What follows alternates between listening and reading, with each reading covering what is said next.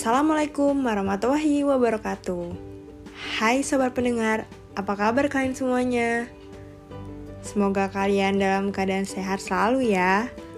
Sebelumnya, yuk kita kenalan terlebih dahulu. Kenalin, aku Raza Wardani dari Prodi Pendidikan Bisnis Universitas Negeri Jakarta.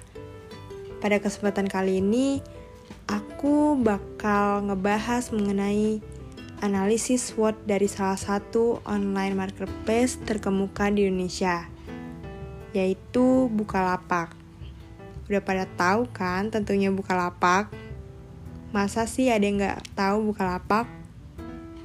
Uh, Oke, okay, aku kasih uh, ringkasannya sedikit mengenai Bukalapak. Bukalapak sendiri dijalankan oleh PT Bukalapak mulai tahun 2010 dan menjadi salah satu dari empat rintisan asal Indonesia yang nilai valuasinya itu mencapai lebih dari 1 dolar miliar pada tahun 2007. Seperti halnya situs layanan jual beli online lainnya dengan model bisnis consumer to consumer atau C2C, Bukalapak ini menyediakan sarana penjualan dari konsumen ke konsumen lainnya di mana pun.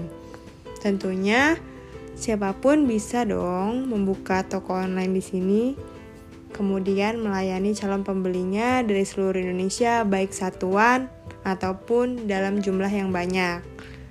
Pengguna perorangannya pun uh, bisa individu atau organisasi perusahaan juga dapat menjual atau membeli produk baik itu yang masih baru ataupun yang udah bekas pun masih bisa seperti halnya gadget, laptop, alat tulis, perlengkapan bayi, busana, bahkan sampai perabotan rumah tangga itu ada dijual di sana. Selanjutnya, ayo kita bahas analisis SWOT-nya.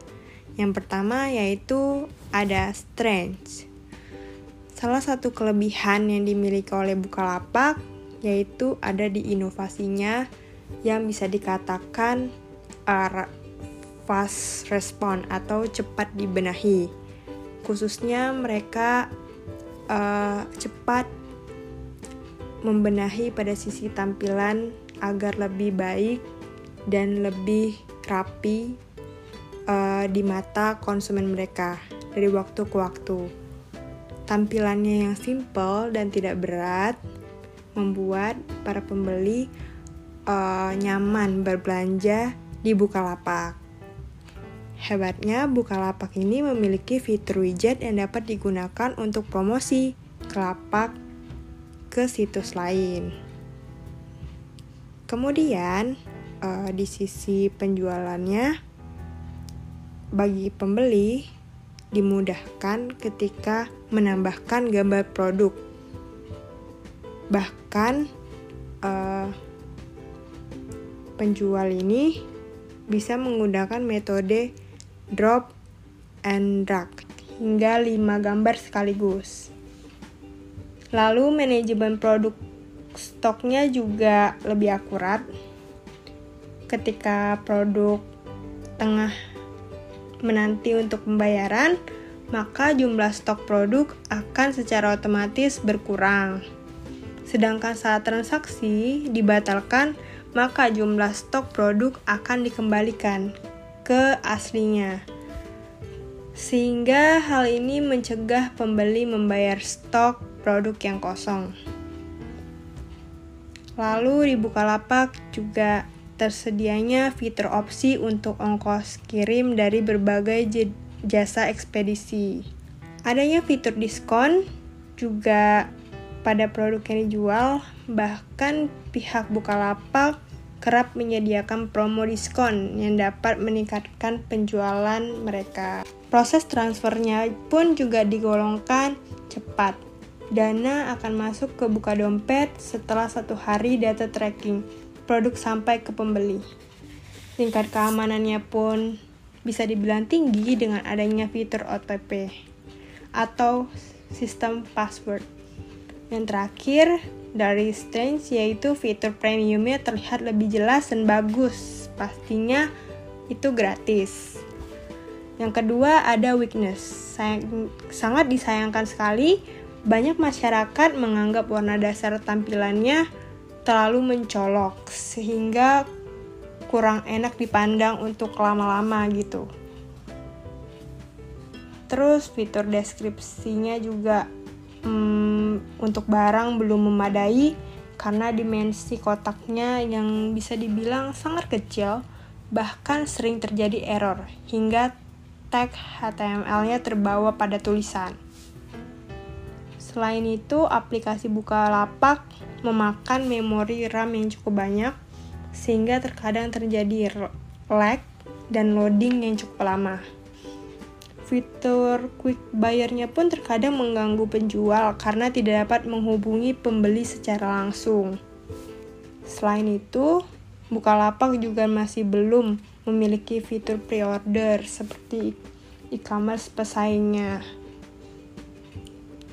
Waktu proses pemesanannya pun bisa dibilang singkat karena hanya diberikan waktu dua hari untuk menginputkan nomor resi pengiriman. Notifikasinya pun sering terlambat masuk, bahkan terkadang fitur ini berkesan kurang bermanfaat karena kendala tersebut.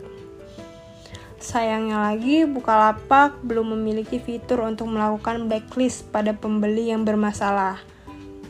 Seperti halnya melakukan pembatalan pemesanan tanpa memberitahu pembeli terlebih dahulu. Dan masalah lainnya. Yang ketiga yaitu opportunity. Pemerintah terus berkomitmen untuk mendorong pertumbuhan industri e-commerce di Indonesia. Banyaknya masyarakat yang melek terhadap teknologi serta teknologi yang terus berkembang, hal ini mendorong pasar e-commerce Indonesia.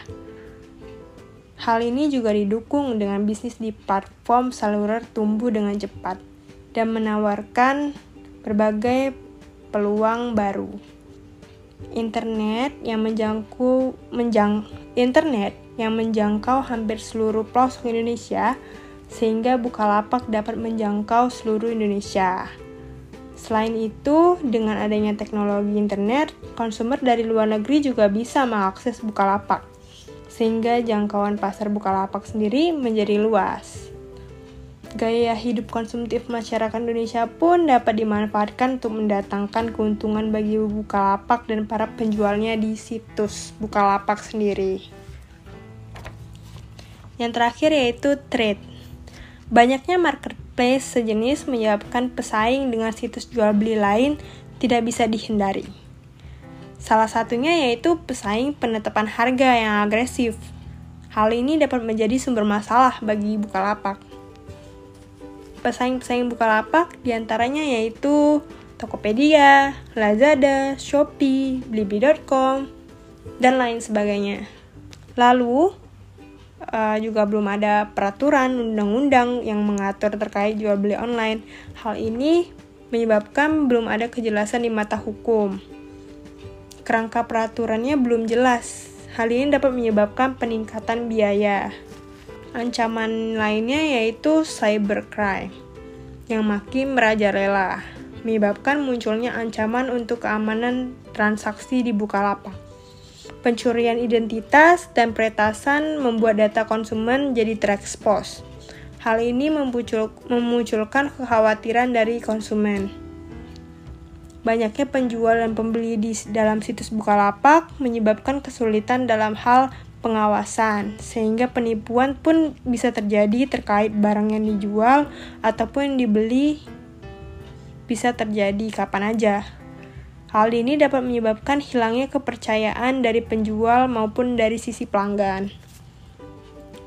Ancaman lainnya yaitu persaingan dengan toko retail do, uh, lokal yang dapat menjangkau pelosok-pelosok di daerah.